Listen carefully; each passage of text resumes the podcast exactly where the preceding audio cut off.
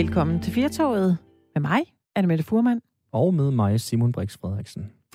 Vi skal holde vores øh, lille imaginære fødselsdagsfest, som vi gør øh, hver dag, time 2, når vi sender sammen, Simon. Og der mm-hmm. kommer der nogle mennesker ind. Leger vi af døren. Hvorfor gør der det? Det er fordi, vi, vi må ikke mødes.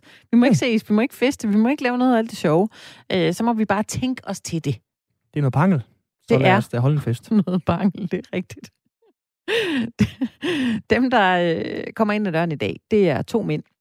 Ja. Den ene, han kommer muligvis ind med en guitar. Og Okay. det er en mand, der i dag fylder 75. Det er Kjell Haik.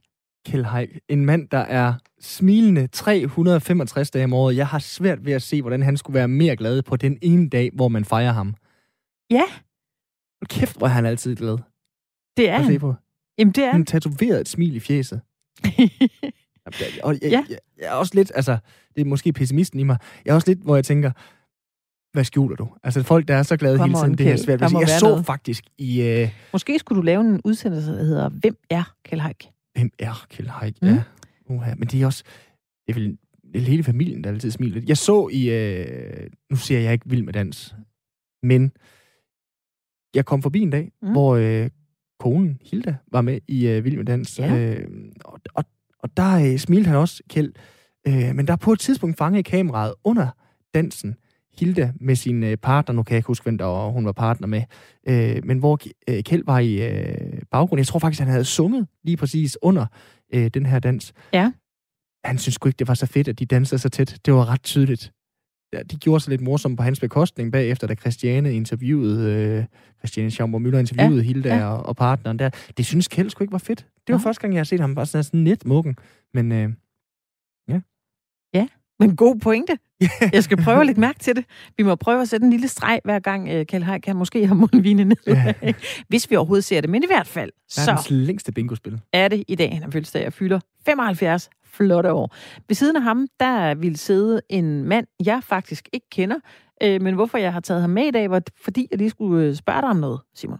Han hedder Stig Fogh Andersen, han er tenor, han er kongelig kammersanger, og så er han Bornholmsk æreskonsul. Det er to sindssygt fede titler. Hvad Hvad sagde du? Kongelig kammerkorsanger og Bornholmsk æreskonsul. Kongelig kammersanger og Bornholmsk æreskonsul. Hvad vil du helst være? 71. Ja, lige nu vil jeg helst være Bornholms æreskonsul, fordi det kunne være, at det gav nogle fordele i forhold til at kunne blive klippet Ah, på Bornholm. Tror du ikke? det tænker jeg måske Hvis man godt, er æreskonsul, tror du så ikke, man står forrest i køen, øh, når man øh, ringer derover? Jo, og siger, jo, jeg skal jo, have den selvfølgelig. allerførste frisørtid, jeg overhovedet kan. Ja, Jeg ved ikke, om Stig Fogh Andersen har langt hår, om han overhovedet behøver at blive klippet. I don't know. Han fylder 71 famous i år. words. Det, jeg, jeg, jeg googler ham lige, fordi jeg ja. synes, lige nu synes jeg, det kunne være sjovt, hvis han var skaldet. Måske. I hvert fald så vil øh, ham og Kjell Haik jo øh, sidde herinde, og jeg forestiller mig, når der sidder en som Kjell Haik, der har været musiker i øh, en øh, en menneskealder, og så Stig Fogh Andersen, der er tenor og kongelig kammersanger, så øh, kunne vi godt gå ned og tage en kop kaffe, så vil de sidde og underholde en hel time. Mindst.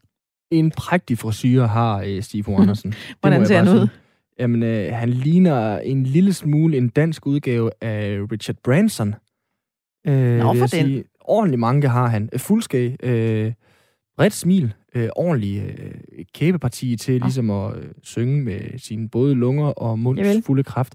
Øh, han kunne godt være sådan en, der fik sådan en rigtig coronamank. Så jeg tænker, den Han der, er den skal ikke- flashes, den der Bornholmske æreskonsulplads.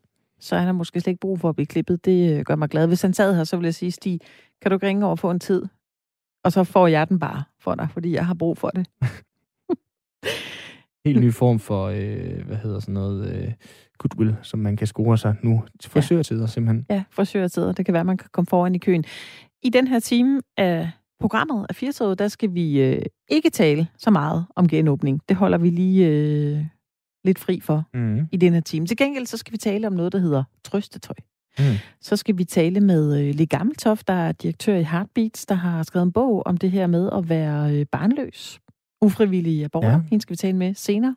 Og så skal vi tale om øh, de paralympiske lege. Det skal vi nemlig. Der er et halvt år til, at det løber af stablen, og øh, vi skal have en af de øh, største danske medaljemuligheder Mm. med i programmet, nemlig Peter Rosemeyer, som øh, lige nu er på træningslejr, som vi øh, ringer til i den her time af Firtoget. Er det ikke bare at sige, øh, stig ombord og Det er det velkommen da. indenfor? Lige præcis. Og måske sidder du med radioen øh, tændt, eller sidder og streamer det, eller går en tur med firetoget i øh, ørerne. Så har du måske øh, joggentøj på, du har måske noget flistøj på, fordi det er sådan nærmere reglen end undtagelsen, at, at det er ens foretrukne outfit. Jeg vil bare herfra sige, lad være med at skamme dig over at gå meget rundt Ej, i joggentøj for tiden, fordi øh, den her coronakrise har jo øh, givet mange af os muligheden for at bare iklæde os det mest komfortable tøj, når vi mm. sidder til de her digitale møder, og øh, så er vi nået der, tøj, der, øh, dertil, at trøstetøj, det faktisk trender. Det her, det afspejler sig i øh, modebranchen, og det skal vi altså lige blive lidt klogere på nu sammen med dig, Manu Messmann. Velkommen til programmet. Tak skal du have. Du er uddannet i øh, psykologi og kommunikation med sådan et ja. øh, særligt fokus på modens betydning. Så kan du ikke lige ja, øh, prøve at forklare, hvilken betydning har trøstetøj? Jamen, så altså, trøstetøj har den betydning, at det kan, det kan helt sådan, banalt hjælpe os med at altså, trøste os, kan man sige. Ikke? Så i og med, at vi er i den her tid, hvor vi er bekymrede og vi er utrygge, så har vi behov for det her, en form for kram. Og, øh, og det er det, som øh, trøstetøjet det kan give os. Og hvem er det, der har fundet på den trend? Og også altså, at kalde det trøstetøj? altså selve begrebet trøstetøj, det kommer af det amerikanske og engelske sadware, som er nogle journalister, der øh, satte sig ned og, øh, og simpelthen beskrev denne her trend, hvor at man mere og mere begynder at klæde sig i noget tøj, der er meget, meget komfortabelt. Og de satte ord på og, og begyndt at kalde det sadware, og så har vi så oversat det til øh, trøstetøj. Mm. Og nu øh, sagde jeg lige før, at det her afspejler sig nu i, i modebranchen. Altså, hvordan afspejler det sig i modebranchen, det her øh, trøstetøj? Altså, man kan se, at flere og flere brands og virksomheder inden for modebranchen, de begynder at sælge rigtig meget inden for det, man kalder joggingbukser, altså sweatshirt og trackpants og fleecebluser. Der er masser af sådan, lag på lag og tykke strømper og masser af de her termoheldragter. Alt, hvad der ligesom giver os noget beskyttelse og en form for rustning, det er noget, øh, der sælger rigtig godt. Men nu, nu ved jeg godt, at du, øh, som vi fik introduceret dig som, er øh, uddannet i psykologi og kommunikation, og derfor nok ikke kostvejleder. Altså det eneste udtryk, der popper op i mit hoved lige nu, når vi taler om trøstetøj, det er trøstespisning. Er, ja. er, er, er det på nogen måde beslægtet? Altså man kan sige, at det giver jo os en form for trøst, at vi ligesom dulmer et behov, vi sidder med her og nu. Mm. Og, og lige nu er vores behov jo, at vi har brug for nogen, der beroliger os og trøster os og siger, at det hele det skal nok gå. Og man kan også sige, at der er en stigning i, at vi køber flere og flere kæledyr lige nu. Vi vil gerne have nogen at sidde og hygge med. Og der er også øh, masser af reklamer for de her tyngdedyner, som giver os det her kæmpe kram. Så, øh, så der er jo noget med, at vi, vi søger den her trøst, og vi, vi har brug for en morskram i tøjet, kan mm. man sige. Men tænker du, det er positivt? Altså, øh, man kan sige, øh, for nu at blive lidt ved trøstespisningen der, det kan jo tage overhånd, man kan tage på, og man kan få alle mulige helbredsproblemer, hvis man bliver øh, svært overvægtig, har svært ved at, ved at stoppe med at indtage mad. Men øh, den risiko er der vel ikke ved trøstetøj? Altså, tænker du, det her det er noget positivt? Altså man kan sige, at trøstetøj har en god virkning her og nu, i og med, at det giver os denne her tryghed, og det giver os en, en ro i kroppen. Men problemet er, eller udfordringen kan være, at øh, vi også kan opleve, at vores produktivitet, den måske sidder, eller den falder, vi kan også føle os måske en lille smule mere uoplagte, lidt mere trætte og triste.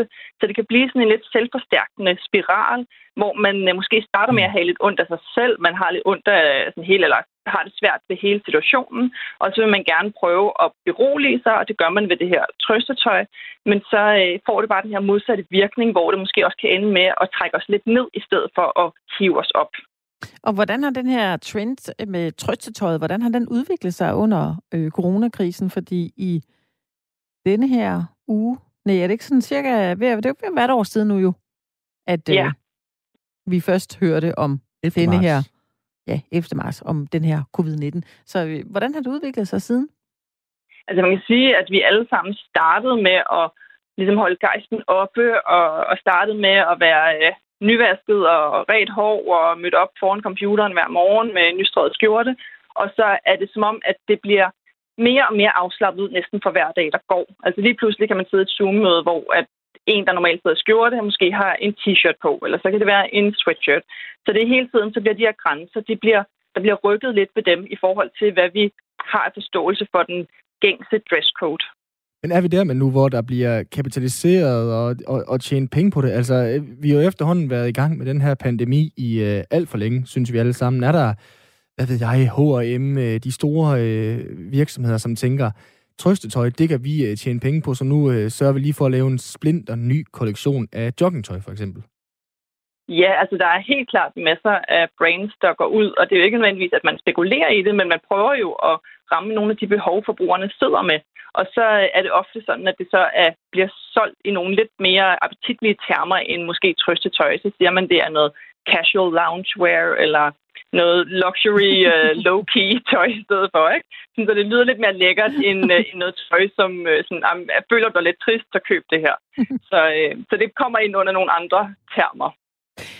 Det er jo altid øh, godt at spekulere på, hvad for noget tøj kommer vi så til at gå i, når verden den åbner igen. Der har været flere gissninger, der har været nogle trendeksperter, der siger, at den får øh, fuld gas på eskapisme og øh, diskokugler og glimmer og glitter. Øh, kommer vi til at holde ved det her trøstetøj i lang tid, tror du, eller kommer der en, en ny øh, tøjtrend, når Danmark åbner igen? Altså, der kommer absolut en, en modpol, for det er det, der altid sker inden for mode, at man hele tiden går fra den ene yderlighed til den anden. Så vi vil helt klart se, at resultatet af den her periode, den kommer til at munde ud i, at vi gerne vil have noget lidt mere sådan skarpere og, og stærkere silhuetter. Vi vil også gerne have noget mere lyst tøj og noget mere farverigt tøj. Det er der ikke nogen tvivl om. Men vi kommer til at have, ligesom, trække nogle spor efter os med det her trøstetøj, så at inden på arbejdspladsen vil vi begynde at også have det her lidt mere komfortable tøj ind. Så det bliver sådan en, en lidt en mix-overgang, vi vil se. Altså, hvad med sådan historisk øh, se? Har der været andre tidspunkter, hvor vi har øh, tydet til øh, trøstetøj, øh, for eksempel? Det, nu ved jeg godt, du nok ikke er ekspert i, øh, i 2. verdenskrig og så videre der, men jeg tænker jo, øh, joggingtøj, det har jo næsten altid øh, eksisteret i en eller anden grad der, men er det, er det kun her i coronaen, at det sådan for alvor er braget igennem som en decideret trøstetøjs tendens? Altså det er første gang, at vi sidder med den betegnelse af den situation, vi er i lige nu, kan man sige. Ikke? Så, øh, så under krigen var det jo nogle andre ting, der, der var gældende. Der var det lige pludselig, at man havde mangel på tøj i det hele taget. Man havde mangel på, på ressourcer og, og stof. Så der var jo nogle andre måder, man prøvede at overleve med at, at genbruge en masse af de materialer, man havde. Ikke? Så altså, der var noget lidt andet, end at man, end at man tog nogle øh, Moncler-støvler på, vil jeg sige. okay. Er du en, øh, bliver jeg bare lige nysgerrig på mig nu, er du en, der, øh, der sådan øh, forfalder lidt til den her mode, vi taler med dig om nu, der hedder trøstetøj, eller er du en, der sørger for at øh, gå i bad og tage dit pæne tøj på hver dag? Altså jeg vil sige, at øh, jeg er den der kombination af, at jeg er meget bevidst omkring beklædning. Så det vil sige, at selvom I ikke kan se mig lige nu, så er det nødvendigt for mig, at jeg, øh, jeg har været i bad, og jeg har lidt på læberne, og jeg har parfume på, og det er jo ikke noget, I kan mærke, men det er jo noget, som, som jeg selv kan mærke. Så derfor så ved jeg, hvor meget det betyder det her med, hvordan vi ser ud. Så i stedet for også at tage min hjemmesko på, så har jeg også kondisko på, for jeg ved også, jeg er mere produktiv og effektiv, hvis der jeg har noget helt bestemt tøj på. Nå. Men samtidig så er jeg jo slet ikke øh, heldig på nogen måde, og jeg elsker det her med at være sådan en puppe, hvor man går lag i lag og, og masser af strik, og, øh, og det hænger også meget godt sammen med, at jeg bare altid er sådan lidt frossen pind. Så, øh, så jeg elsker hele den her tendens lige nu. Ved du hvad, det tager vi som en kæmpe kompliment, at du øh, dresser op, når nu du skal tale med os, selvom det bare er på en øh, telefonforbindelse med nu. Ja, men det er vigtigt. Ja, øh, nu bliver jeg bare lige nysgerrig, lige inden vi, øh, mm. vi siger farvel til dig, men nu, hvad, hvad for noget tøj er det, du siger, der gør, at du bliver mest effektiv? Det fif vil jeg gerne have. Ja, jamen altså, det effektive tøj, det er rent faktisk, det er lidt kedeligt, at man får det videre, men altså det er det her med noget lidt stift tøj, lidt skjorter og lidt... Stift tøj? Altså, ja. Alt, ja, lidt det der stift, noget, der holder fast på dig. Så det vil sige, mm. at du ligesom tager nogle bukser, der sidder fast i taljen, og at du måske har de her kondisko, og det kan også, der er også nogen, der elsker at gøre rent i høje hæle. Det giver dem også det her boost. Sådan, okay, nu skal vi lige få, få ordnet noget. Så øh, for mig, der tager jeg altid løbe bukser på og nogle kondisko, når jeg skal gøre rent, fordi så bliver det lidt mere grundigt.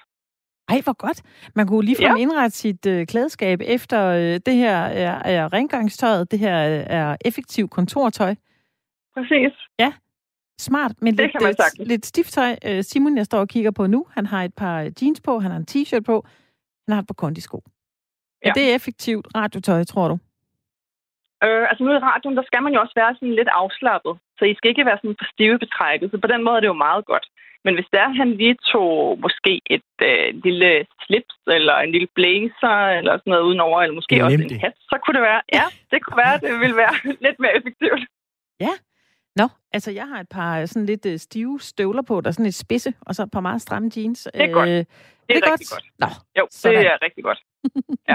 Jeg tror, du er meget mere effektiv end din kollega lige nu. sådan.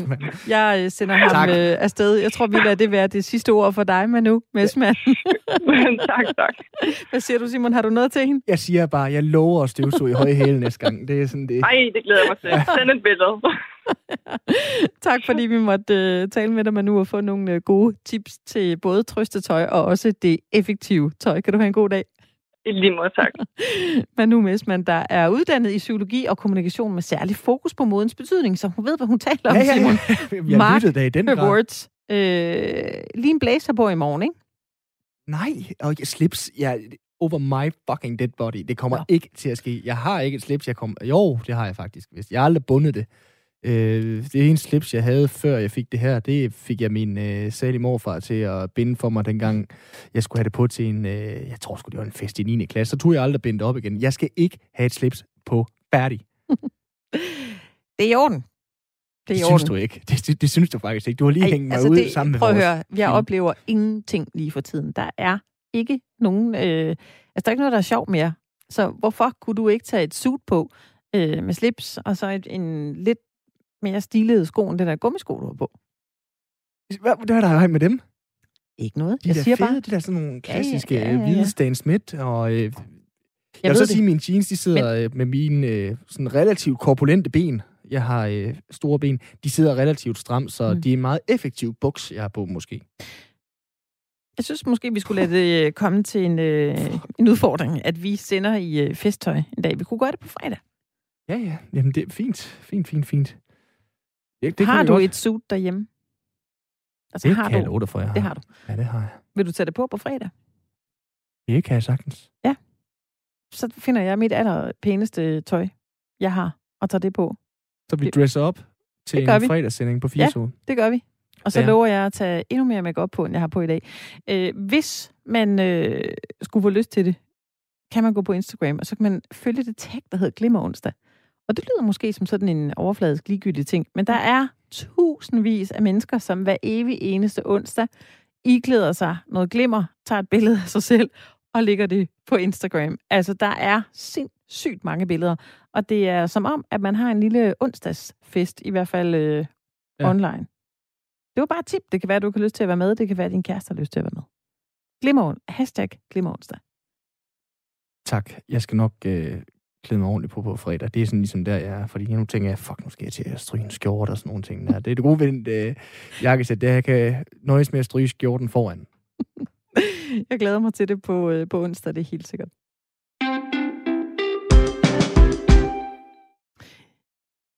Ja. Jeg har simpelthen mistet overblikket her. Det er fair nok. Så kan jeg starte med at synge lidt. Det er mig, der står herude og banker på. Ja. Verdens nemmeste quiz, hvem har lavet den sang? Thomas Elmi. Ja, nemlig. Og øh, hvorfor er den aktuel? Fordi... Fordi at han lige har været på Aarhus Stadion og se fodbold. Men vi har en pandemi, der er lukket ned overalt i øh, hele landet, også for øh, fodbold, medmindre man har et øh, anerkendelsesværdigt formål til fodboldkampen. Det vil sige, at man enten skal være ejer eller investor eller noget som helst. Og derfor så øh, har det vagt kritik, at øh, Thomas Helmi, han simpelthen har været på stadion og se fodbold. AGF sammen med Sønneke Hugo. Aha. Og øh, han har måske stået udenfor og sunget. Det er mig, der står herude og banker på og derefter har han øh, så fået lov til at komme ind. Lige i øjeblikket der er divisionsforeningen faktisk ved at øh, kigge på den her sag, fordi de har faktisk overtrådt reglerne for forsamlingsforbud i AGF, hvis ikke han har et øh, ordentligt øh, anerkendelsesværdigt formål mm-hmm. til at være til den kamp. Så det kigger de på lige nu. Nå. Noget af det, der ligesom er det interessante ved det her også, det er, at øh, komikeren Martin Buch, han var øh, øh inde at se FCK mod Lyngby i øh, mandags. Men det viser sig så, at han faktisk er en del af den investorkreds, som hedder Friends of Lyngby. Mm-hmm. Og øh, som gør, at han altså står som de facto en, en af ejerkredsen i Lyngby. Og så må han godt være til øh, kampen. Det er jo lidt sjovt, den her forfordeling, synes jeg bare. Anna ja. ikke også? Der, der er nogen, der lige er kendt ja. nok til at komme ind og se fodbold, og man kan sige, Thomas Helmi, det er sgu fair nok, han får lov til at komme ind og se fodbold i Aarhus. Det er byens stolte søn. Men det er måske ikke lige det smarteste alligevel. Ej, det, det er noget pandemi. med pandemien er lige for alle, ikke? Er det, er det ikke noget med det? Jo.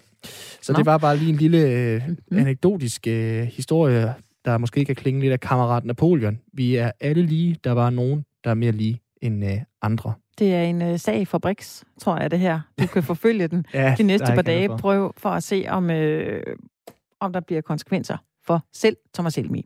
I dag der er det den 24. februar, og det betyder, at der er et halvt år, Anna Mette, til verdens tredje største sportsevent.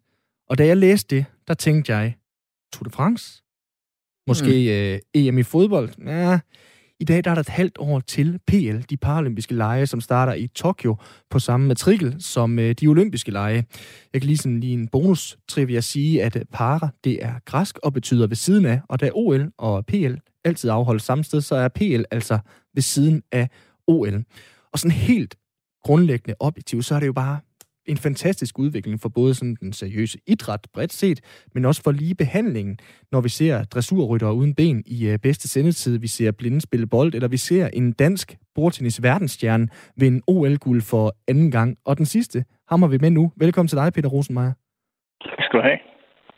Peter, øh, et eller andet sted, så øh, er PL jo på en eller anden måde blevet, blevet cool øh, og hipt, øh, og får, som vi lige er inde på, masser af tid i bedste øh, sendetid. Føler du dig cool? øh, nogle gange øh, gør jeg det.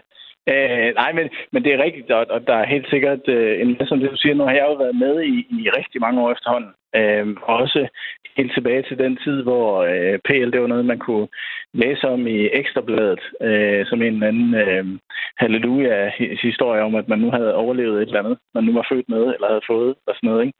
til at det i dag er, er noget helt andet og respekteret på en, på en helt anden måde. Så det har selvfølgelig været en fantastisk rejse, og hvis, hvis der er noget, man man jo gerne vil have som, som sportsudøver, så er det jo anerkendt. Øh, og det er, jo, det er jo den, vi, vi opnår øh, ved, ved alt det her øh, medietid, som vi nu har fået efterhånden. Så, så det, er, det er fantastisk, og det har været fantastisk at være en del af, af hele den rejse der. Peter, det, du har vundet så meget, at det, det øh, måske kan være, at jeg rammer lidt forkert, når jeg nu har researchet på, hvad du har vundet. Men du er dobbelt paralympisk mester, så er du dobbelt VM-guldvinder, ikke også? Korrekt. Hvordan kan du mærke den her udvikling, som du selv øh, også har været med til at påpege, at, at I har fået en, en anderledes form for bevågenhed nu, og at øh, det måske var øh, i hvert fald sådan øh, mediemæssigt sjovere for dig at vinde øh, PL anden gang, end det var første gang?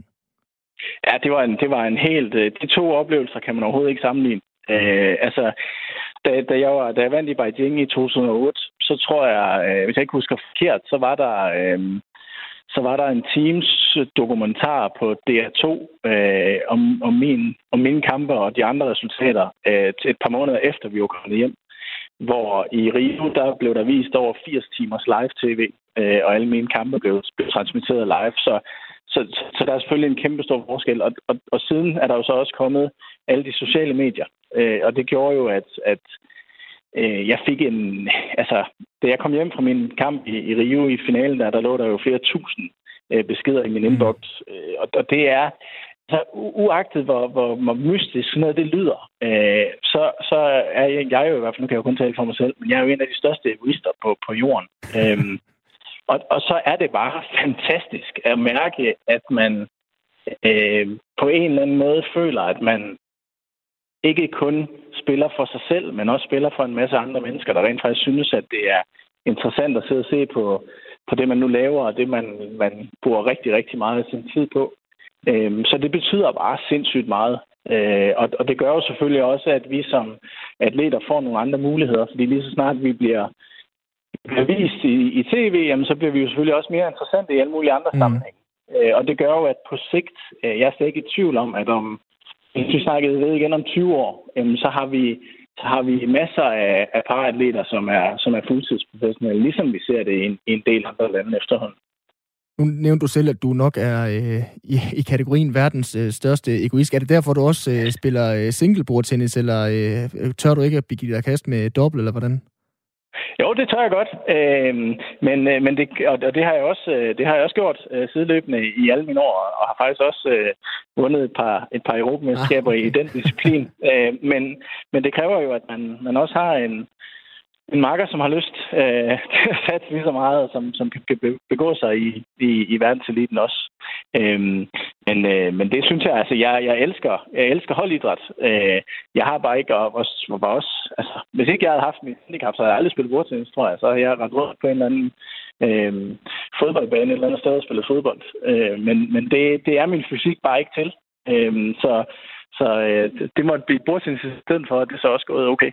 Ja, det må vi da sige. Hvordan var det? Du, du, har, du har haft en øh, mindre karriere i øh, Hasund Boldklub øh, i øh, fodbold. Ja. Var, var det målmand, du forsøgte dig med det her, eller hvordan var det, det var? Ja, men altså, jeg, jeg, jeg startede jo, øh, da jeg var de der 6-7 år, ligesom, øh, ligesom mine skolekammerater. Altså, der er ikke så forbandet meget. I hvert fald ikke på den tid, man kunne lave i, i en lille by som Hadsund. Øh, så så det, var, det var fodbold og på tapetet om sommeren. Øh, så det skulle jeg selvfølgelig også. Øhm, og jeg startede ude i marken, tror jeg, og så blev jeg rykket ned i målet. Og så, øh, så skete der jo det her, så på et tidspunkt gik man over til 11 mål.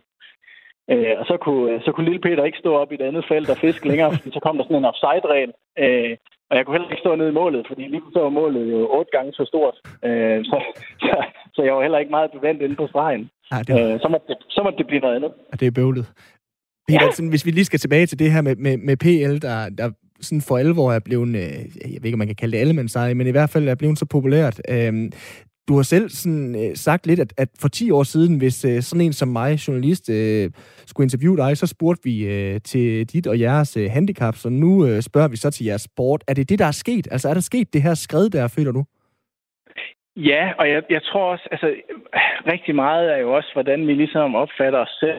Øh, men, men der er sket et kæmpe stort skred, fordi som jeg også sagde før, så, så altså, de journalister, som jeg blev kontaktet af dengang, det var Se og Hør, det var Billedbladet, og det var, og de ville sindssygt gerne lave nogle historier, men det var altid historier om den her øh, stakkels lille dreng, som havde klaret sig imod alle odds. Mm. Øh, og, og, og, og det synes jeg er rigtig, rigtig ærgerligt, fordi øh, det giver også et billede af til, til resten af samfundet, at hvis man har et handicap, jamen, så, så kan man ikke klare sig, medmindre man har gjort et eller andet helt specielt. Mm. Øh, og det er virkelig ikke tilfældet. Øh, altså, vi har jo, der er jo masser af mennesker med handicap, som, som, som laver en masse ting, og som bidrager med en masse ting, og der er ingen grund til at, at ynke det på nogen måde. Øh, så, så derfor så, så har det været enormt vigtigt for os som atleter ligesom at sige, øh, at jamen, vi har ikke lyst til at snakke om det med handicap. Vi vil først og fremmest snakke om det med sport, fordi det er det, øh, vi er gode til. Øh, men nu er vi så også kommet et sted hen, hvor jeg mener, at hvis vi skal tage det næste skridt, jamen så skal vi faktisk til at snakke om handicap igen. Fordi øh, nu er vi der, hvor folk godt ved, at det her det ikke er et, et DGI-landstævne, øh, det er noget andet. Så, så nu er vi ligesom klar til at sige, jamen for at vi så skal komme skridtet videre, jamen så, så er der også en masse mennesker, der har brug for, at vi snakker om handicap. Og vi snakker om, at man, at man godt kan, og man øh, har en masse muligheder, og at vi som samfund skal være bedre til ligesom at stille krav også til mennesker, som måske er lidt anderledes end, end, end den øh, normalitet, som vi lige har oppe i hovedet. Men i den forbindelse er det så øh, er det stadig okay, Peter, at vi øh, sådan fascineres af, af for eksempel din fysik, når vi ser dig øh, udøve bordtennis, eller vi kigger på øh, en anden medaljemulighed, Stina Tange, som, øh, som rider dressur uden ben. Øh, er det ikke at tage jer seriøst som atleter, øh, eller du ved, hvis man fokuserer på jeres handicap? Jo, absolut. Og, og det, det, det, altså det, det er jo det, vi kan. Øh, altså, fordi hvis, hvis, du gerne, hvis du gerne bare vil se dressur, eller du gerne vil se øh, bordtennis på højt niveau, jamen, så kan du tænde for OL jo. Øh, så vil du jo få det på et højere niveau, end det vi leverer. Mm. Så, så det er klart, at, at det vi leverer, leverer vi jo øh, med eller på trods og, og det er sådan set, det, det, er jo, det er jo helt okay, det er jo forudsætninger. Det er jo det, som vi har, som man ikke har til OL. Øh, så det skal du blive fascineret af, det skal du blive imponeret af. Men der, hvor jeg gerne vil hen, det er, at, at, at, at du så skal tænke, når du ser det, jamen prøv lige at høre her, øh, hvis Stina, hun kan det der, så kan ham, jeg kender uden ben, så kan han sgu da også øh, ja. gøre et eller andet. Er, er det det, du øh, mener med, det, du, Undskyld. Er det det, du mener med det, du også henviste til før, at du synes, vi skal til at tale lidt mere om handicappen igen nu? Der er vi nået til, at vi godt kan give den et nyk mere. Præcis, præcis. Og, det er lige præcis det. Ja. Men Peter, samtidig så er I jo, øh, I er jo rigtig gode, jer atleter øh, til PL, øh, til at give noget af jer selv, altså i interviews. Altså det er jo en fornøjelse at tale her med dig, det ved jeg godt, det må man ikke sådan normalt øh, sige, når man interviewer folk, men, men du er selv vært også lige nu på, øh, på det talkshow på, på Facebook, der hedder Benspin, hvor I netop har fokus på, øh, på jer PL-atleter, også med et opdrag om at give øh, berøringsangsten fingeren, som der står derinde. Og mm. først, Peter, for lige at teste det, hvilken finger bruger du selv til det? ja, jamen jeg har, jeg har jo frit valg på alle hylder, i og med, at mine fingre de sådan er udefinerbare. Øh, så, kan jeg, så kan jeg vælge den, jeg bedst synes om ved lejlighed. øhm, så, så det gør jeg i stor stil. og så bare lige til det lidt mere seriøst. Altså, I opererer, opererer jo blandt andet i, i det her talkshow Benspin med en handicapskala på, hvor, øh, hvor udfordret kan man sige, I er. Hvorfor er den her humor, den her øh, uhøjtidelighed, er, øh, er vigtig for jer? Ja, altså, det, det har jo flere forskellige grunde. Altså, jeg, jeg har det lidt sådan, at jeg synes godt, der kan være en tendens til, dels, øh, så når man hører noget om, om mennesker med handicap i, i medierne, så er det oftest øh, nogle, nogle dårlige historier. Øh, det vil sige nogle negative historier. Øhm, og jeg synes måske, at der godt kan være tendens til, at, at, at handicaporganisationerne er for dårlige til at bringe de gode, øh, de gode cases frem, øh, og i stedet fokusere på de dårlige for at få lavet nogle lovændringer eller et eller andet andet. Og det gør jo, at, at, at, at mini, mini mand, kvinde i Danmark, jamen, når de hører om, om personer med handicap, så er det noget negativt. Øhm, så, så derfor så var min plan egentlig med det her talkshow at sige, at vi går ind og gør noget, som, hvor folk de tænker, ah, altså kan man, kan man tillade sig det? Øh, jeg vil godt have folk til at, at sidde og, og måske ryste lidt på hovedet nogle steder, nogle gange, og sige, at det er sgu ikke i orden. Øh, fordi så får vi en debat øh, om det der. Øh, og alle dem, der er med i det program, de er jo selvfølgelig øh, indforstået med de ting, der foregår. Så, mm. så, så det har egentlig været, været planen at sige, jamen, kan, vi, kan vi flytte barnet en lille smule? Kan vi, kan vi skubbe lidt til det? Øh, og, og få det til at blive et topic, altså få det, få det diskuteret. Øh, fordi der er rigtig mange aspekter omkring øh, det at have et fysisk handicap, som ikke er blevet diskuteret øh, i medierne. Altså vi kan, vi kan jo bare vi kan gå helt ned i, uden at det skal blive for langhåret nu, så kan vi gå helt ned i, i hele abortsituationen for eksempel, hvor man jo for, for mange år siden havde en, en rigtig, rigtig sund og lang øh, debat omkring det at få abort med, med børn med Down-syndrom for eksempel. Mm. Øh, den debat har man slet ikke haft på, på det fysisk handicappede område. Øh, og det, det synes jeg måske at, at øh, er ved at være tid til, at, at vi godt kan tage den. Og det er jo sådan noget, som, som, som jeg er en af de personer, der, der kan bringe frem. Øhm, og det, det føler jeg egentlig, jeg har en, en forpligtelse til at gøre på en eller anden måde. Men, men kan du så i den sammenhæng, blandt andet med, med talkshowet Benspænd og, og, og det her fokus, du gerne øh, siger, I vil have igen lidt på, på handicappet igen, altså kan du frygte, at I kommer til at fokusere for meget på det, eller for meget på at grine af jer selv og, øh, og med hinanden, at, at I så får det flyttet væk fra det her øh, elite- og topsportfokus, som jo er nøjagtigt lige så seriøst som dem, der konkurrerer ved OL for jer? Nej, det er jeg egentlig ikke så bange for. Øh, jeg tror på, at hvis, hvis vi skal fastholde øh, vores plads, eller vi skal udvide den plads, som, som vi har fået nu, mm. jamen, så kræver det også, at vi, vi, vi bliver ved med øh, og bliver endnu bedre til at give mere af os selv. Fordi det er det, som, som, som vi kan. De personlige historier og de personlige rejser, det er jo det, er jo det som, gør, som gør PL enormt interessant. Så det skal vi være gode til, og det skal vi blive ved med.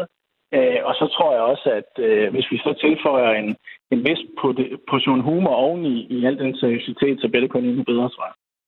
Så hvordan vil du gerne have dit øh, næste interview ser ud, Peter?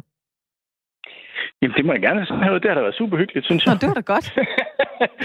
Vi kom da vidt omkring. Men, men altså, ja, men, men altså, jeg mener, jeg, altså, jeg, jeg synes man skal have lov til, jeg håber, at vi når et sted hen, hvor at det er okay øh, at stille de spørgsmål, som man har, øh, som, som man tænker. Øh, fordi man må spørge mig om alting. Øh, så hvis, hvis jeg synes, det er for dumt, så lader jeg være med at svare. Øh, eller så stiller jeg et dumt modspørgsmål. Øh, der er ikke noget værre for mig, end, end, end, end når jeg går op og ned ad gågaden, og jeg ser, at der er et eller andet barn, der, der, der kigger på mig og, og, og gerne vil spørge mig et eller andet, hvor moren eller faren så trækker barnet hårdt i armen den modsatte retning. Ikke? Mm. Øh, så vi skal et sted hen, hvor, hvor det er det er, det er frit at, at snakke om, fordi så fjerner vi også al den stigmatisering, som der er. Øhm, så så lad, os, øh, lad os bare komme ud over stepperne, og så må man jo selv som, som individ og person, vi er jo alle sammen forskellige. Øh, og nogen har lyst til at snakke om det, og nogen har ikke lyst til at snakke om det. Øh, jeg vil gerne snakke om det. Så, så, øh, så hvis, man, hvis man ringer til mig, så kan, man, så kan man snakke om det, og hvis man ringer til nogen så kan man snakke om noget andet, tænker jeg. Kæft, det ville være et dårligt interview, øh, Peter, hvis vi stillede et spørgsmål, du ikke kunne lide, og så bare ikke sagde noget. Det, det egner ja. sig ikke sindssygt godt til radioen. Det gode øh, med telefonen er, at man bare kan lægge på. Ja, det er rigtigt. Det er rigtigt. til allersidst, Peter, lige hurtigt. Altså, vi runder lige det sportslige også i mm. forhold til sådan en som mig, der godt kan lide at tage klaphatten på, når der er VM, OL og hvad fanden der nu ellers kunne være, og PL. Mm. Hvordan ser din egen chance ud for at tage en tredje guldmedalje? Jamen, jeg håber, de ser gode ud. Altså nu, øh, nu har den her øh, fantastiske øh, pandemi, som nu har, har været os alle sammen over hovedet det sidste års tid, øh, den har jo selvfølgelig også ødelagt øh, en masse for mig. Øh, træningsmæssigt har jeg jo kunne fortsætte, øh, så heldig har jeg været. Øh, men men øh, jeg har jo ikke været ude at spille internationalt i, i et helt kalenderår. Øh, og det gør jo selvfølgelig, at det er svært for mig at vide, hvor, hvor mine modstandere står henne. Øh, men vi vi træner så, så hårdt vi overhovedet kan, øhm, og så, øhm, så tror og håber jeg på, at øh, jeg er bedre end alle de andre, øhm, og så vinder jeg vel. Sådan, sådan skal det vel være. Sådan plejer det at være. Peter Rosenmeier, øh, tak fordi du var med her i hvert fald. Tak fordi jeg Og øh, hvis øh, man lige sådan skal slutte af med at grine lidt alligevel, så udover at hoppe ind og se det der benspænd, som øh, er talkshow, som altså Peter Rosenmeier selv øh, beværter, så, øh, så skal man måske i stedet for at grine af PL, som jo er noget ekstraordinært, de er lige så seriøse og træningsivrige atleter, som alle de andre er, så kan du måske grine af en anden olympiade, nemlig Monty Pythons Silly Olympics. Prøv lige at afspille lidt. And now over to the swimming. And you join us here at the Brundus Absurd Pool just in time to see the start of the 200 meters freestyle for non-swimmers. Har du set det? Det har jeg faktisk ikke. Det er så pivhammerende sjovt. Der er helt, det er øh, mærkelige øh, øh, olympiader, øh, som øh, Monty python de har øh, sat sammen. Der er blandt andet et maraton for inkontinente. Det vil sige, at øh, hver eneste lille meter, så er der en ny, der er i front, fordi de hele tiden skal ud og øh, tisse ude i busken. Og det her, vi lige hørte, det var svømning. Der var øh, simpelthen 50 meter bryst, tror jeg, det var, for folk, der ikke kan svømme. Og det helt suveræne er, at i kommenteringen så siger, at de holder øje med den forsvarende vinder, da de så hopper i pølen. Hvad sker der så? De drukner alle sammen. Monty Python i en, øh, i en nødskal.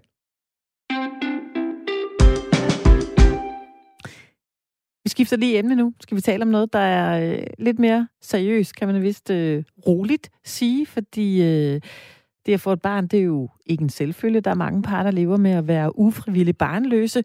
Direktør i øh, Heartbeats, Lee Gammeltoft, har skrevet en bog om øh, de sorgfulde følelser, der øh, følger med en ufrivillig abort eller flere. den hedder Tabet. Fortællinger om at miste sit ufødte barn. Velkommen til dig, Lee. Tak skal du have. Hvorfor synes du, den her bog er, er vigtig? Jeg oplevede selv efter at være en, en masse spontane aborter igennem, at det var ikke noget, der var særlig nemt at tale om. Og at øh, når jeg så ligesom, fandt modet og delte øh, mine oplevelser med andre, så var der rigtig mange kvinder, der stemte i og sagde, ej, det har jeg også prøvet, og jeg har aldrig haft nogen at tale med det om. Så jeg kunne simpelthen mærke, at det her tabu, det lå der bare stadigvæk. Og, øh, og vi følte os, kunne jeg mærke på os alle sammen, ret ensomme i den sorg, der er at miste et ufødt barn. Mm. Nu er du heldigvis mor til, til to dejlige piger, men øh, du har været gravid fem gange. Hvad har det haft af, af konsekvenser for dig at, at skulle igennem de her spontane aborter? Jeg tror i virkeligheden, at der har sat sig en, både sådan en, nok først og fremmest en sorg i min krop. Altså det er jo både hårdt at være gravid, men det er også hårdt at gå igennem aborter rent fysisk. Men psykisk har det jo også noget øh, nogle, nogle følgevirkninger på den måde at forstå, at det lærer sig i kroppen, og det var svært for mig at snakke om, så jeg kan mærke nu her med arbejdet med bogen, at jeg har haft rigtig mange ting, som jeg ikke har fået talt om, og jeg har simpelthen ikke fået bearbejdet den sorg, så det har, øhm, det har sat sig. Hvad var det for nogle tanker, du kom igennem? Jamen, jeg, i og med, at jeg har snakket med rigtig mange andre, der har prøvet det samme, som, som jeg har mistet ufødte børn, altså både lige så tidligt som jeg, men også utroligt set i deres graviditeter, Jamen, øh, der er mange af de følelser, jeg har haft, som jeg har kunne genkende i deres fortællinger. Hvilket måske har givet sådan lidt en, en spejling. Alright, det var sådan, jeg havde det. Det er okay, at jeg var ked af det. Det er okay, at jeg var vred også. Øh, det er okay, at jeg faktisk havde svært ved at tale om det, fordi jeg har absolut ikke været den eneste. Ja, netop det der, øh, du griber fat i der, hvor det også gør indtryk på mig, det er jo det der med, det, det er jo forbandet svært at tale om, må det være, Le. Øh, nu har vi lige uden yderligere sammenligning i øvrigt jo haft Peter Rosenmeier med i indslaget før paralympisk øh, OL-guldvinder. Han siger jo netop i forhold til det der med at tale om handicap og idræt, det er vigtigt, at vi får taget fat på det. Kan man mm. sætte lighedstegn med os og, øh, og tage fat på, på det her med at være ufrivillig barnløs? Er det også noget, vi skal tale om, eller er der lidt bedre grund til berøringsangsten her, lige? Nej, jeg mener absolut, at vi skal kunne tale om det. Altså, vi er måske ikke sindssygt gode til at tale om de svære ting. Vi er jo også dem, når vi møder nogen på gaden og siger, hej, hvordan går det? Så vil vi aller, aller, aller helst have, at de siger, det går super godt. så vi er nok dem, som har en, at kan, vi kan være en lille smule berøringsangst, og vi forventer måske det overfladiske svar frem for, mm. jeg har det virkelig ikke særlig godt, og jeg har brug for et kram. Og jeg tror, det er det, der i virkeligheden er øh, det, der er kommet, vi er kommet længst med med den her bog, det er, vi har skabt et fællesskab kvinder og mænd, der har været ude for at miste en ufødt, eller et ufødt barn og have en, en spontan abort. Øh, vi skaber et fællesskab mellem dem, men vi er også i gang med at prøve at fortælle de pårørende og sundhedsvæsenet, men vi skal ikke have en forklaring eller op på hesten igen, eller, eller et eller andet sådan data om 25 procent. Vi vil i virkeligheden bare gerne mødes i, at det er hårdt, og det er sorgfuldt, og vi vil gerne have et kram og noget omsorg. Men der er vel også et behov for, at vi, vi, vi tager øh, snakken også for at skubbe til, hvad skal man sige, ikke, ikke kun fordommene, men også måden, vi taler om det på, øh, Le. Fordi jeg kan mærke mig selv i det her på en eller anden måde, selvom jeg ikke er ufrivilligt barnløs. Men jeg har en kæreste i starten af 30'erne, som masser af gange er blevet konfronteret med det her med, skal du ikke snart have et barn, skal du ikke snart have et barn, skal du ikke snart have et barn? Hvor, mm. hvor vi har siddet derhjemme og snakket om, jamen nu kæft, hvad nu hvis vi har prøvet på det her i 4-5 år, og så øh, er det jo ikke det fedeste spørgsmål at få, forestiller jeg mig, på lærerværelset, at der lige er nogle ældre kolleger, der synes, det er sjovt at spørge om, hvorfor øh, skal du ikke have et barn med Simon, for eksempel? Altså, mm-hmm. vi skal, der er vel en eller anden ting, vi skal gøre for at blive bedre til at tale om det, eller bare holde vores kæft? Ja, jeg tror, vi nok bliver nødt til også at kigge helt samfundsmæssigt på fertilitet generelt. Altså, pigerne går i pubertet tidligere end nogensinde før, og vi vil have børn senere end nogensinde før. Og i og med, at pigerne bliver født med et vist antal æg, jamen så er der et regnstykke, der simpelthen ikke går op. Så vi bliver nok nødt til at snakke om det på et meget højere plan også. Hvad gør vi med fertilitet? Fordi vi kan ikke blive ved med at spørge kvinder, i, eller mænd for den sags skyld, i starten og midten af 30'erne, skulle I ikke til at få nogle børn? Fordi fertilitetsproblemerne, de ruller hen over os. Så det er absolut ikke kun spontane aborter, det er selvfølgelig også det, men der er ufrivillige barnløse derude. Og det er ekstremt sorgfuldt. Mm. Og kigge på det der drømmebillede af en familie, at det smuldrer, det er en kæmpe sorg. Lige nu sagde du selv lige før, at øh, du havde brug for lidt andet end nogle statistikker og nogle tal, altså fra, fra sundhedssektoren. Du har brug for kram, du har brug for at blive, blive mødt. Der er jo rigtig mange kvinder, der øh, får aborter øh, i Danmark. Det er jo meget normalt. Øh, hvad synes du lige på det her område, at sundhedssektoren kunne gøre med de ufrivillige aborter? Men jeg tror i virkeligheden at anerkende den sorg. Altså, der er simpelthen så mange historier derude om kvinder, der er blevet sendt hjem øh, uden nogen forklaring, uden noget andet end en, en, en relativt sådan, kølig skulder på, at, øh, at de bare skal gå hjem, og så må de bare prøve igen op på hesten. Du skal være glad for, at du kan undfange. Men det er jo ikke, en, altså, det er jo ikke særlig brugbart. Man bliver nødt til at blive mødt i, at det her, det var faktisk et barn. Det var et barn, man havde ønsket sig, og en kvinde er gravid, fra hun er Øh, for undfanget, er de fleste kvinder følelsesmæssigt engageret. Så det er ikke bare lige, øh, at nå, så gå hjem og op på hesten igen. Øh, jeg tror, vi bliver nødt til at tale om, at det er helt okay at få noget hjælp til, hvis man har mistet et ufødt barn. Der er forskellige øh, øh steder og foreninger, hvor man kan henvende sig og få gratis psykologhjælp, og det tror jeg skal være faktisk meget mere almindeligt, at det her mm. er en sorg. Det bliver vi nødt til at anerkende. At det ikke bare, når man op på hesten, 25 procent af alle graviditeter går til, du kan bare, nej. Altså, først og fremmest vi anerkende, at vi er kede af det, og så kan vi begynde helt i det private at finde ud af, tør vi at gå i gang igen. Mm. Som du også skriver i bogen, så har du været øh, gravid fem gange, og der kom øh, to børn ud af det. Øhm, så du har været igennem det her nogle gange. Hvornår opdagede du selv, at, at nu har jeg altså brug for hjælp? Det er ikke nok at tale med mine veninder, eller gå en tur, eller have den her tankegang med op på hesten igen. Hvornår kunne du mærke, at jeg har faktisk brug for lidt mere hjælp? Nå, men altså typisk mig, jeg er jo sådan en fixer, så jeg fik jo ikke noget hjælp. Altså jeg tænkte bare, at det, efter 24 timer hvor må det være slut, og så skal vi videre. Ikke? Altså jeg ville have det til at lykkes. Jeg ville have to børn, så jeg blev bare dumstedige og åndssvage at have med at gøre. Så jeg ved sgu ikke, om jeg nogensinde har indrømmet, at jeg har brug for hjælp. Men jeg vil sige, at skrive den her bog og tale med et utal af kvinder og mænd har været en ret stor hjælp for mig, fordi jeg har måske i højere grad kunne age mig selv lidt mere og sige, okay, det er faktisk okay, at du har været ked af det.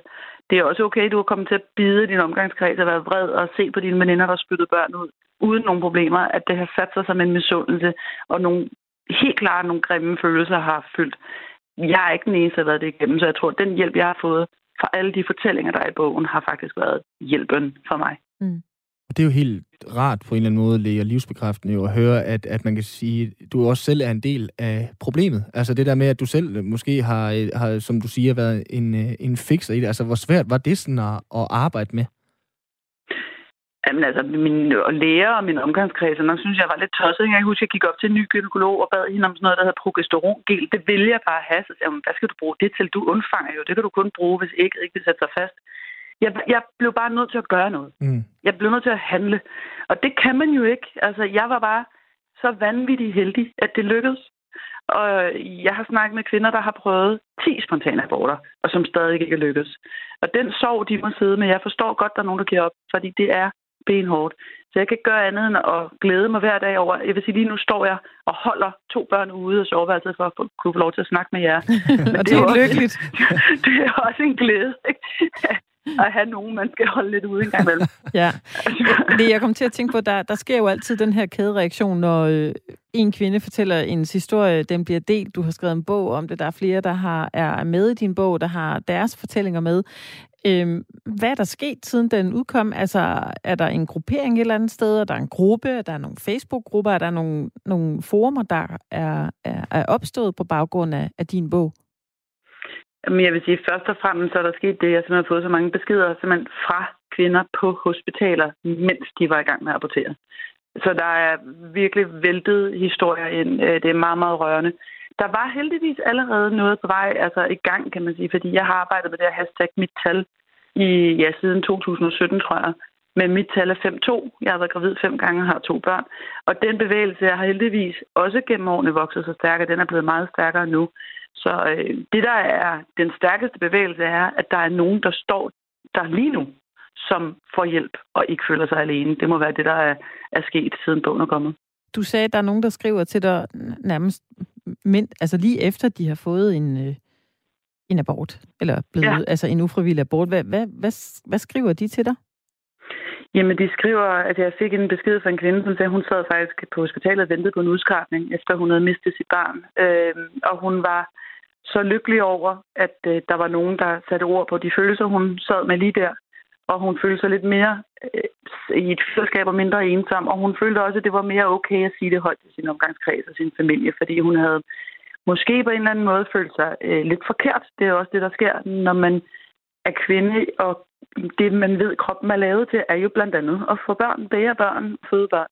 Og når man ikke kan det, så kan man godt føle sig en lille smule forkert og en lille smule misstøttet.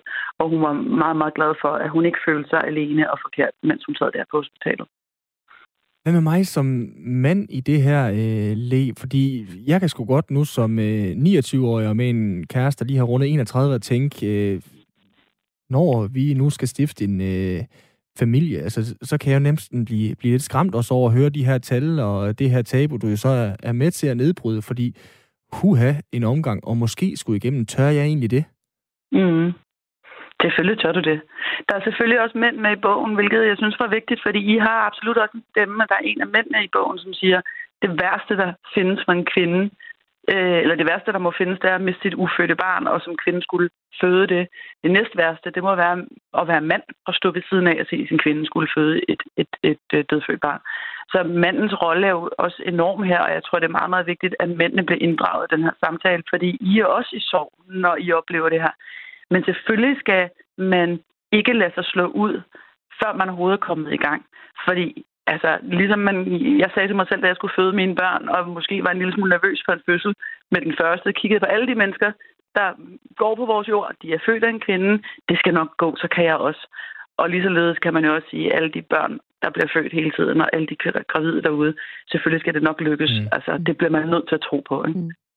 Lige her til sidst lige, er der, er der noget sundhedspersonale, der har reageret på det her positivt, som du øh, lidt efterlyste tidligere i vores snak? Ja, men vi har faktisk øh, været i kontakt med flere øh, fra både fra forskningsmiljøet, men også af sundhedspersonalet i forbindelse med bogen, for at få noget, noget ekspertviden, noget fakta ind. Og der er rigtig mange, som ligesom reagerer på, at det er et område, der skal være større fokus på, fordi man historisk set jo aldrig har set en graviditet som en sygdom. Så behandler man heller ikke det som en sygdom, at have en spontan abort. Det behandler man bare som en helt naturlig proces. Men det er, et, øh, det er jo noget, der nogle tal, der vokser. Og som jeg også sagde før, så er vores syn på fertilitet måske en lille smule gammeldags i forhold til, at vi aldersmæssigt hele tiden rykker os. Vi bliver nok nødt til at snakke mere bredt om det. Ja, og det har du gjort med, med din bog, blandt andet Le Gammeltoft. Tak fordi du var med i uh, programmet her. Tusind tak. Le Gammeltoft, der er direktør i Heartbeats, og øh, altså lykkeligvis mor til, til to piger, også forfatteren til øh, den bog, vi har talt om, der hedder Tabet, fortællinger om at miste sit øh, ufødte barn. Vi skulle lige så fik jeg lige tryk på den. Ja, men det ja. er fint. Det er dit privilegie jo. Det er, at du kan lukke kæften for mig ved bare at trykke på en knap. Vil du sige noget? Øh, ja, jeg vi kan bare sige, at det gør jo indtryk. Altså, det er jo, mm. øh, det er jo igen for lige at knytte en øh, tråd til to øh, punkter, som måske ikke har så meget med hinanden at gøre, men både PL, personer med handicap, og så her i ufrivillig barnløshed, der, det er jo rart, at øh, vi får talt med de her mennesker og får øh, sat ord på det. Det synes jeg, der er noget, vi kan tage med fra mm. dagens udgave af Firtoget. Ja. Man skal jo lige tænke på den pointe, som Lee også sagde, det her med, at, at øh, pigerne går i puberteten langt tidligere, mm. øh, og kvinder i dag får generelt børn noget senere. Ja. Jeg fik mit første barn, da jeg var født, fyldt øh, 32. Ja. Tror jeg. Det var da sådan forholdsvis sent. Ja, men det... øh, ja, vi fik øh, sluttet timen på, øh, på den note, men vi kan da sige, at vi er stærkt tilbage i morgen. Tik-tak, det biologiske ur, det slår tik-tak. det almindelige ur, det slår også. Der er øh, 10 sekunder tilbage af dagens udgave af 4 tog, så skal vi ikke bare, øh, Anna Mette, sige øh, tak, fordi I lyttede med? Jo, det synes jeg. Lyt med igen i morgen. Vi er øh, tilbage, når klokken er 15 her på Radio 4. Simon Frix Frederiksen og Anne Furman siger tak for i dag.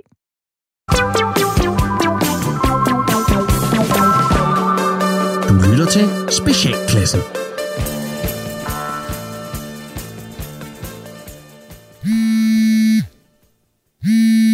Ja, det er Jonas. Hej Jonas, det er Helle nede fra Bamsestuen. Hej Helle. Er alt okay? Øh, jamen ved du hvad, jeg ringer lige for at, øh, ja, for lige at tage en vigtig snak med dig. Øh, okay, hvad nu? Det er fordi, da du afleverer Lukas Emil her i dag, så ser jeg noget, som, øh, som jeg simpelthen lige bliver nødt til at påpege. Øh, okay, ja, men hvorfor sagde du det ikke bare, da jeg var dernede? Nå, men det er jo fordi, jeg sidder øh, midt i en konfliktløsning imellem Linnea og Tristan, som havde haft en knap så, øh, hvad skal jeg sige, okay leg i puderummet. Øh, ja. Ja, og jeg kunne ikke lige afbryde den pædagogiske proces, som jeg netop var i gang med. Altså, det vil ikke være rigtigt, hverken over for Linnea eller Tristans udvikling, og især ikke Tristan. Altså, han er jo trods alt en dreng, så de instinkter, dem skal vi jo have slået hårdt ned på i en ung alder, ikke? For ellers så, ja, så kommer vi dem ikke til livs. Øh, nej, okay. Hvad, hvad er det, du gerne vil sige til mig? Ja, men det jeg vil sige, det, altså det handler om, at jeg oplever, da du kommer ind, ha? der oplever jeg, at du simpelthen ikke har taget dit mundbind på. Okay, havde jeg ikke det? Øh, altså, nej, jeg, det må du undskylde så. Altså, jeg synes, jeg er meget opmærksom på at huske at få det på, så øh, det er nok ja. bare en... Øh... Ja, ja, ja, ja. ja. Men, men, men, øh, men, men jeg siger til dig, sådan som jeg oplever det, øh, over fra puderummet, hvor jeg er i gang med at i rette sætte Tristan, det er, at du faktisk når mere eller mindre halvt ind i vores fællesrum, før du får dit mundbind ordentligt på. Okay, så, så jeg havde mundbindet på? Ikke 100 procent. Øh, ikke 100 procent? Altså, hvad skal det sige? Du havde ikke dit mundbind på 100 procent af den tid, du var i børnehavens lokaler. Øh, øh...